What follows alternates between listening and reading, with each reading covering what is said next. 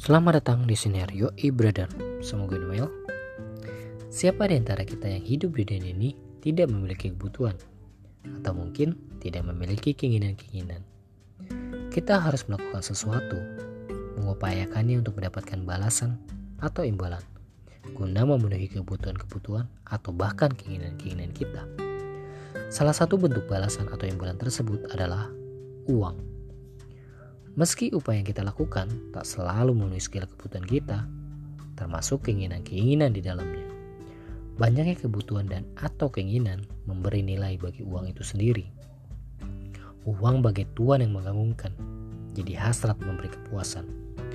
Uang memang bukan satu-satunya jawaban, tapi itu membuat perbedaan. Uang yang berada di bank hanyalah sejumlah angka di komputer, dan uang di dompet kita hanyalah kertas yang berkilat. Semua memiliki nilai karena kita ingin mengeluarkan uang dengan hal yang lain. Ambisi negatif terhadap uang berpotensi memutar derajat diri mirip kegilaan, tidak menjadikan diri sebagai dirinya, membodohi, membutakan, dan merusak hubungan. Terlalu kecil dimiliki membuat terjepit, jika terlalu besar bisa membuat gusar, bahkan tersandung dan terjerat. Pola hidup dan emosilah penentunya bersyukur dan merasa cukuplah. Keluarga dan kesehatan adalah nilai yang lebih tinggi dari uang. Ada yang bilang, uang tidak pernah membodohi siapa pun, hanya menunjukkan siapa jati diri kita. Uang menguji siapa diri kita sesungguhnya. Berhati-hati dan bijaklah. Dia, uang, hamba yang baik, tuan yang buruk. Kitalah tuan atas uang, bukan sebaliknya. Perhatian bisa kita beli, tapi tidak dengan ketulusan.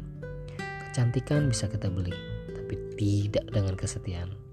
Buku bisa kita beli, tapi tidak dengan pengetahuan. Kekuasaan bisa kita beli, tapi tidak dengan rasa hormat. Jam bisa kita beli, tapi tidak dengan waktu. Uang tak beragama, si kaya dan si miskin punya waktu yang sama. Kegilaanmu memikirkan dan mendapatkan uang menghilangkan momen penting dan berharga bukan hanya bagi dirimu, tapi juga orang-orang yang kamu sayang dan menyayangimu. Gunakan uang untuk pengalamanmu, bukan untuk keinginanmu. Terus belajar hidup jadi manusia bebas yang tak diperbudak uang, dan buat uang bekerja untukmu.